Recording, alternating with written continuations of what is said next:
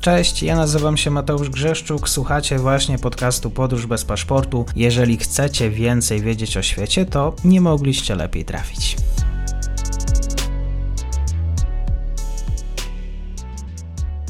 Dzień dobry wszystkim słuchaczom. Dzisiaj mam przyjemność gościć na kanale. Ze mną jest pan Juliusz Sabak z portalu Defense24. Dzień dobry, bardzo mi miło. Dzień dobry. Ostatnie dwa dni to echo, właściwie echa wiadomości na temat tego, że no, Ministerstwo Obrony Narodowej zdecydowało się na podpisanie umów. Umów na dostarczanie południowo-koreańskiego uzbrojenia dla polskiego wojska. Tak może przypominając, panie redaktorze, co kupujemy od Koreańczyków? O, kupujemy mnóstwo.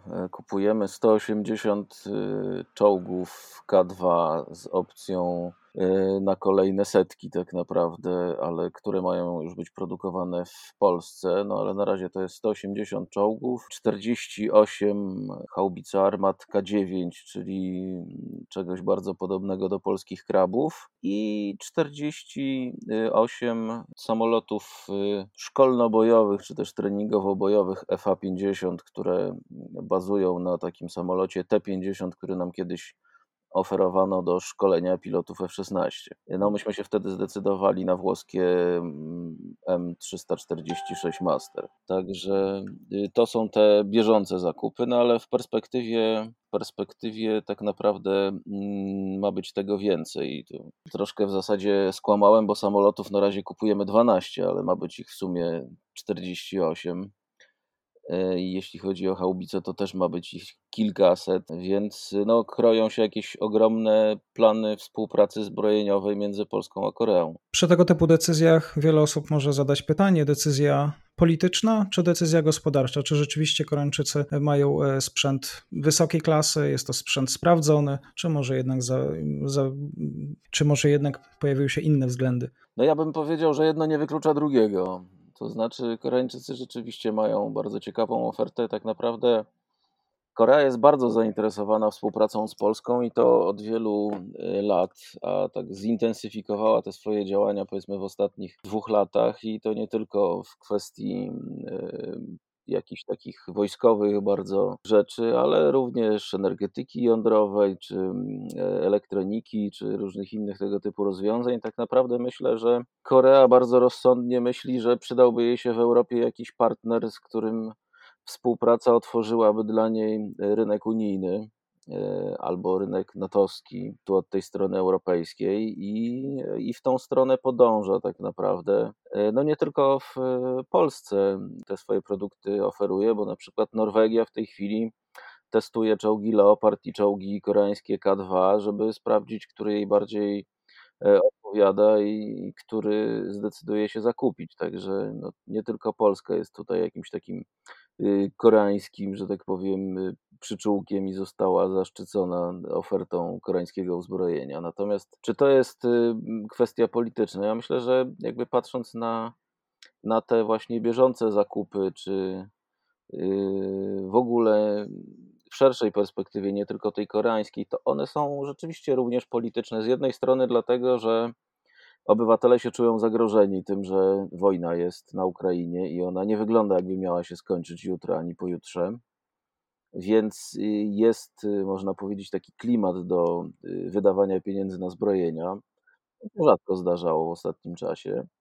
E, z drugiej strony no, zbliżają się wybory, więc zwiększenie bezpieczeństwa państwa, zakupienie jakiejś dużej ilości czołgów, samolotów i innego sprzętu, który e, ma szansę dużą zacząć się pojawiać jeszcze przed wyborami, na przykład na defiladzie w sierpniu z okazji e, Święta Wojska Polskiego w przyszłym roku, no to jest na pewno to, co nęci, e, że tak powiem, polityczną część duszy Ministerstwa Obrony.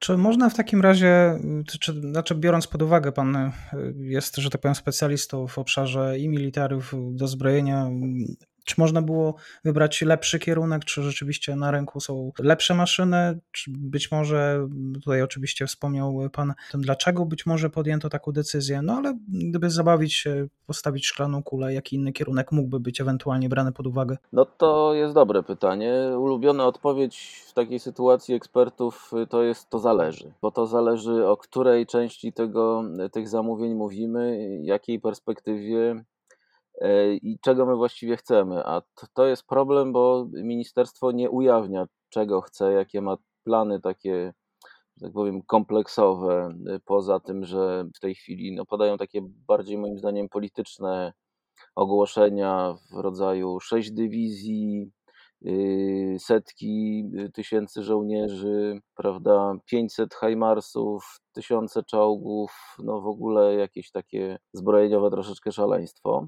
No a realnie no, sytuacja jest taka, że w tej chwili no, możliwości są dość ograniczone, to znaczy europejski przemysł, można powiedzieć, zbrojeniowy przez wieloletnie redukcje troszeczkę się przytkał jeśli chodzi o, o dostawy sprzętu, zwłaszcza szybko, zwłaszcza takiego jak czołgi, artyleria i tak dalej.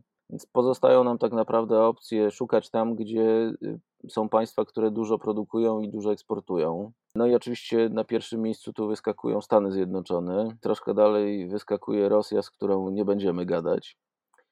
E, I więc Korea pojawia się tam powiedzmy w tej pierwszej dziesiątce takich y, realnych partnerów, czy nawet w pierwszej piątce którzy mają coś do zaoferowania, rzeczywiście mają produkcję i to jest nowoczesny sprzęt, bo y, warto powiedzieć, że koreański sprzęt jest w różnych miejscach y, używany, czy to produkowany na licencji, na przykład w Turcji, e, jako y, taki miks, że tak powiem, licencji tej koreańskiej i, i tureckiej myśli technicznej czyli taka haubica T-155 e, Firtina, która tak naprawdę jest takim e, tureckim właśnie K9, czy Polska, która pod, kupiła podwozie od K9, żeby jakoś rozwiązać problem podwozia do kraba, które nie działało tak jak powinno. Też niektóre państwa nawet w Europie zdecydowały się na przykład na TK9 E, jako sprzęt dość nowoczesny, rzeczywiście wyposażony w automat ładujący, w niezłą armatę. Można powiedzieć, że spokrewniony z naszym krabem, bo,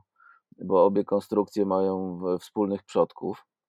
E, stąd między innymi decyzja o, o pozyskaniu tego podwozia K9 do krabów. No i Wracając tą okrężną drogą do, do odpowiedzi na Pana pytanie. Punkt pierwszy, czyli zacznijmy od czołgów. Czołg K2 jest naprawdę jednym z nowocześniejszych. Często jest porównywany z Abramsem i, i zdania na temat tego, który z nich jest lepszy, yy, to zwykle odpowiedź brzmi: ekspertów to zależy, ale entuzjastów to raz jeden, raz drugi. Więc y, jest to niezła konstrukcja i ma tą przewagę nad Abramsem, że rzeczywiście moglibyśmy y, zostać przez Koreańczyków zaangażowani tutaj w jakąś produkcję, czyli moglibyśmy coś na tym zyskać technologicznie. Y, a to jest ten obszar, w którym no, mamy dość poważne zaległości i rzeczywiście moglibyśmy go że tak powiem, dostosować, spolonizować i może zaoferować też dalej, bo, bo ta y, koreańska licencja nie wyklucza y, takiej opcji. O ile oczywiście zawrzemy odpowiednie umowy, bo w tej chwili to są takie umowy y, no, bardziej w sferze planów i, i takich wirtualiów, przynajmniej ze strony polskiej. Myślę, że Koreańczycy traktują je y, bardzo poważnie, bo to jest kwestia w dużym stopniu kulturowa, że pewne umowy, nawet niespisane, są już dość mocno wiążące. Więc ten K2 to jest niezły pomysł, zwłaszcza, że potrzebujemy dużo czołgów, a nie stać nas, żeby kupować Abramsy i, i serwisować je w Stanach, co tanie nie jest i, i na pewno troszkę nam się odbija na kieszeni. Jeśli chodzi o K9, tu mam wątpliwości, nie dlatego, że to jest zły sprzęt, tylko to jest pytanie, czy my kupując K9 nie zarżniemy przypadkiem y, kraba, który po sukcesach na Ukrainie no, mógłby troszkę wyjść z cienia innych konstrukcji i tak naprawdę wzbudza zainteresowanie. Jest bardzo chwalony przez, przez Ukraińców, między innymi dlatego, że ma polski system kierowania ogniem, który bezpośrednio współpracuje z dronami więc y, bardzo wiele rzeczy załatwia automatycznie. No i tak jak mówię, to jest to pytanie, po co my kupujemy licencję, czy też planujemy jakąś koprodukcję tego K9 w Polsce? Czy to chodzi o to, żeby stworzyć jakiś taki mutant, że tak powiem, miks y, tych rozwiązań takiego Kraboka 9 i, i wyciągnąć najlepsze y, z obu konstrukcji, czy ministerstwo uznało, że Huta Stalowa Wola to już tyle rzeczy produkuje, że, że nie da rady dostarczyć odpowiedniej ilości krabów i zwłaszcza, że ma się koncentrować na produkcji bojowych wozów piechoty Borsuk e, i po prostu szuka jakichś alternatywnych rozwiązań bo taka jest też możliwość. No, tego nie wiemy, bo niestety nikt nam tego nie mówi. To jest myślę duży problem, jeśli chodzi o takie ogromne kontrakty, bo to są tak naprawdę miliardy polskich y, złotówek wydawanych z naszych pieniędzy. To nie są pieniądze, które ministerstwo gdzieś tam produkuje, bo ma kopalnię złota gdzieś na, na Klonowej czy, czy na Niepodległości. E, tylko to są nasze pieniądze z podatków, więc to, to trzeba brać pod uwagę. No i zostaje nam trzeci e, temat, czyli samoloty. I tutaj też pytanie jest, to zależy, bo jeśli to miałyby być samoloty, których będziemy realnie używać bardzo bojowo, to ja to widzę słabo. To znaczy, w tej aktualnej wersji to są całkiem niezłe samoloty szkolne z bardzo ograniczonymi możliwościami bojowymi, takimi powiedzmy ok, jeśli jesteśmy państwem w rodzaju na przykład y, Filipin czy Kolumbii, bo to są państwa, które się zdecydowały na, na, na te samoloty, y, czy generalnie w, w tych rejonach się będziemy obracać. Natomiast boję się, że ich czas życia na współczesnym polu walki w Europie może być irytująco krótki. Natomiast no może to jest pomysł na to, żeby na razie na przykład wesprzeć szkolenie polskich pilotów, bo zakładając, że mamy całkiem sporo F-16 i będziemy mieli jeszcze 32 y, F-35, a minister mówi, że w ogóle planuje zakupy jeszcze większej ilości samolotów bojowych. Y, być może na przykład kolejnych F-35 albo F-15. No to będziemy potrzebowali dużo pilotów i do tego ten samolot mógłby się, no myślę, że nieźle się nadaje. No tylko pytanie wtedy, dlaczego nie kupujemy E, kolejnych masterów, e, które mamy już w Dęblinie i mamy ich tak naprawdę całą eskadrę, e, bo to może nas po prostu kosztować więcej używanie dwóch różnych samolotów do, do, do tego samego celu. Natomiast rozumiem, że, że w koncepcji Ministerstwa Obrony FA-50 ma być trochę samolotem bojowym, a trochę takim, który nam pozwoli taniej podtrzymywać umiejętności pilotów, takie tych pilotów, którzy latają na co dzień na F-16 na przykład, no bo godzina lotu F-16 jest kilkukrotnie droższa niż godzina lotu takim FA-50, a być może on się sprawdzi w jakichś e, zadaniach e, takich mniej wymagających. No tutaj jakby kolejnym problemem jest to, że tak naprawdę nie wiemy, bo ta wersja, którą która ma być bardziej bojowa, jeszcze tak naprawdę nie istnieje do końca nie jest też zdefiniowane, e, co w tej polskiej wersji się pojawi, więc znowu muszę użyć najbardziej popularnej odpowiedzi: to zależy.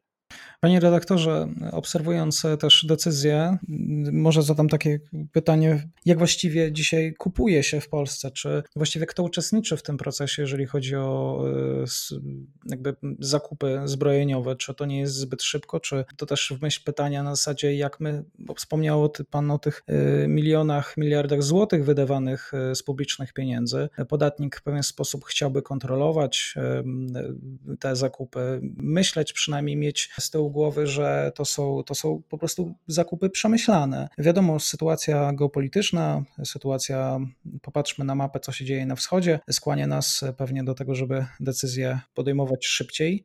Ale no właśnie, pytanie, czy też w takim stylu, no bo to, to nie są, że tak powiem, kieszonkowe, tylko no, jednak pieniądze wielkiej wartości. No tak, mówimy tutaj o sumach y, liczonych w miliardach y, dolarów, bo, y, bo to jest w tej chwili kilkanaście miliardów na, na te zakupy, które już, e, że tak powiem, zadeklarowaliśmy, jeśli chodzi o te kontrakty koreańskie. Więc rzeczywiście to jest, to jest wyzwanie.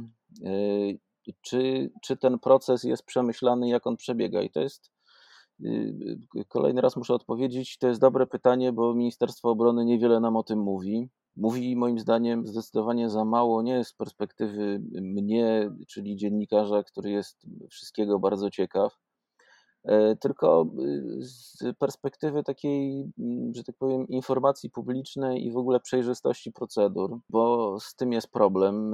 Mieliśmy przez wiele, znaczy przez wiele lat narzekano na to, jak funkcjonował Inspektorat Uzbrojenia, czyli taka instytucja e, w Monie w zasadzie, ale o dużej autonomii, która no, powinna się zajmować wszystkimi tego typu zakupami.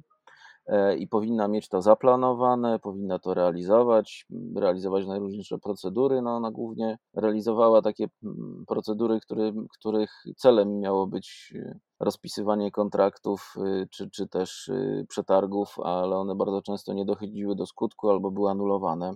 A jak nie zostały anulowane w inspektoracie, no to na przykład kończyły tak jak słynne karakale, które tak naprawdę y, można powiedzieć, że anulowano już w fazie podpisanej umowy i negocjowania y, szczegółowych y, jej warunków.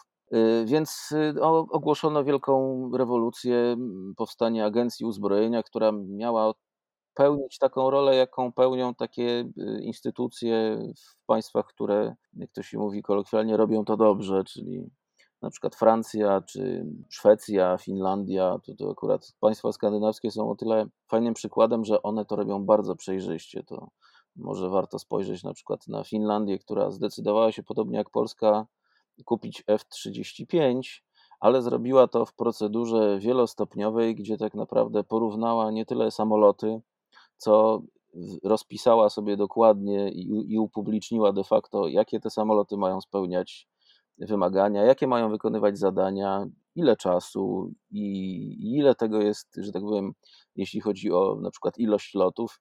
I dzięki temu wyliczyła sobie, że potrzebuje e, do tego X samolotów F-35, albo Y samolotów e, Eurofighter, albo e, Z na przykład samolotów FA-18.